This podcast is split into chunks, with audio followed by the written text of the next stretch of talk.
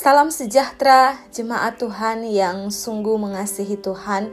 Kita mengucap syukur atas hari yang baru yang Tuhan masih percayakan bagi kita. Mari kita akan melihat satu kebenaran firman Tuhan dari Efesus 4 ayatnya yang ke-22 sampai dengan ayat yang ke-24.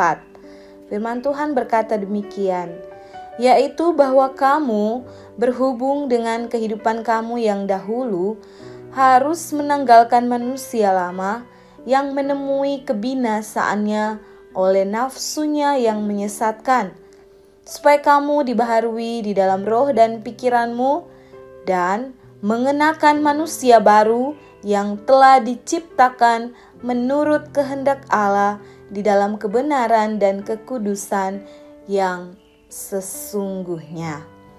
Saudara sekalian yang dikasihi Tuhan, ada pepatah Cina kuno berkata demikian, menabur pikiran maka akan menuai tindakan. Menabur tindakan akan menuai kebiasaan. Menabur kebiasaan akan menuai karakter dan menabur karakter itu akan menuai takdir. Karakter adalah sifat-sifat kejiwaan yang mencakup akhlak, budi pekerti, watak, atau tabiat yang membedakan seseorang dengan yang lain. Sebagai pengikut Kristus, maka sudah sewajibnya lah kita memiliki karakter juga seperti Kristus.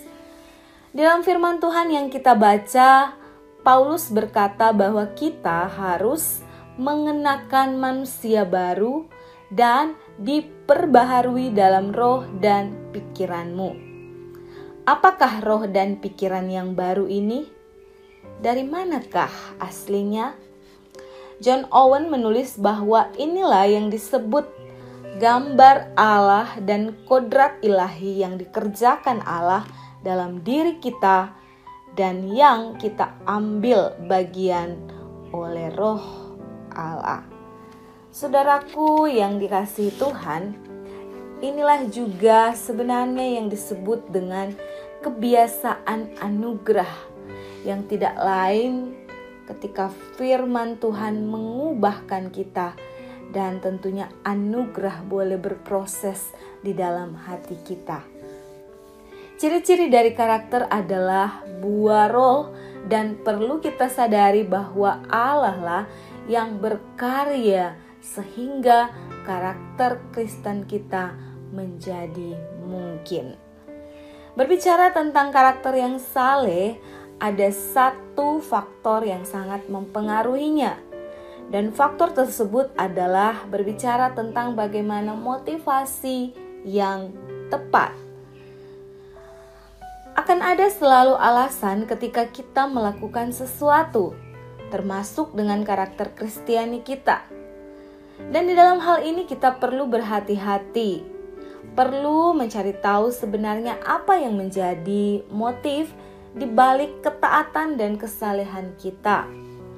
Apakah benar tindakan itu mengasihi Allah atau jangan-jangan motif kita sering sekali berpusat pada diri kita sendiri dan bukan berpusat kepada Allah.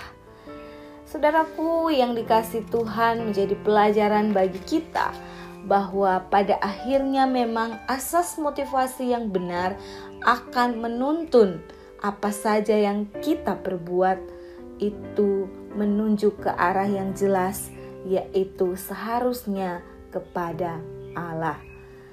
Setiap orang benar harus menyadari bahwa segala tindakan orang percaya itu memang perlu difokuskan dan dilandasi oleh motivasi yang benar, sehingga kehidupan kita adalah kehidupan yang mempermuliakan Allah saja.